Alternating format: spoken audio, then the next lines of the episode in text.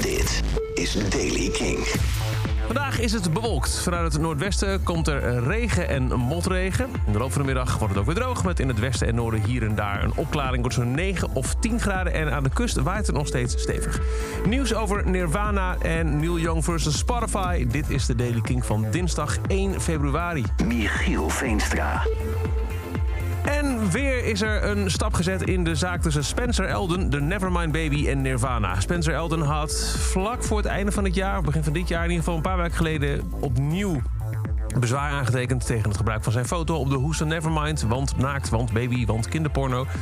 Uh, hij was in hoger beroep gegaan nadat de zaak eerder was verworpen. En nu zegt Nirvana, of althans hun raadsman... deze zaak moet nu echt eindigen. Nirvana heeft de rechtbank gevraagd om een bevel tot afwijzing van de actie... met vooroordeel en op grond van het feit dat het is verjaard. Bovendien zegt uh, Nirvana dat Elden geen enkele wijziging meer heeft... om de claim te redden. Bovendien verwijzen ze ook nog eens een keer naar het feit... dat hij al jarenlang heeft geprofiteerd van het feit dat hij de bekende Nevermind Baby was... door bijvoorbeeld uh, in shirts te poseren en op social media ermee rond te paraderen... voor hij dan vorig jaar besloot, wacht, ik wil er geld voor hebben.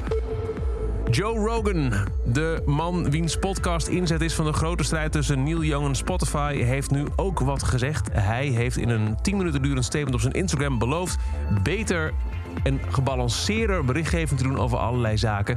En ja, sorry als iemand dat dan niet leuk vindt.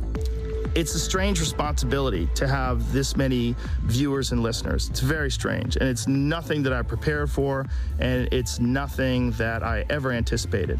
I am going to do my best in the future to uh, balance things out. I'm going to do my best, but my point of doing this is always just to create interesting conversations and ones that I hope people enjoy. So if I pissed you off, I'm sorry. And uh, if you enjoy the podcast, thank you.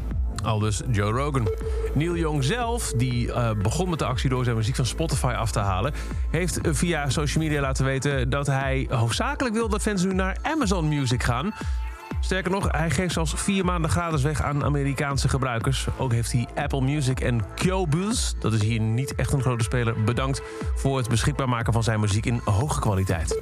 Dat is over deze editie van de Daily Kink. Elke dag in een paar minuten bij met het laatste muzieknieuws en nieuwe releases. Wil je nou niks missen? Luister dan elke dag via de Kink-app, kink.nl of waar je ook maar podcast luistert.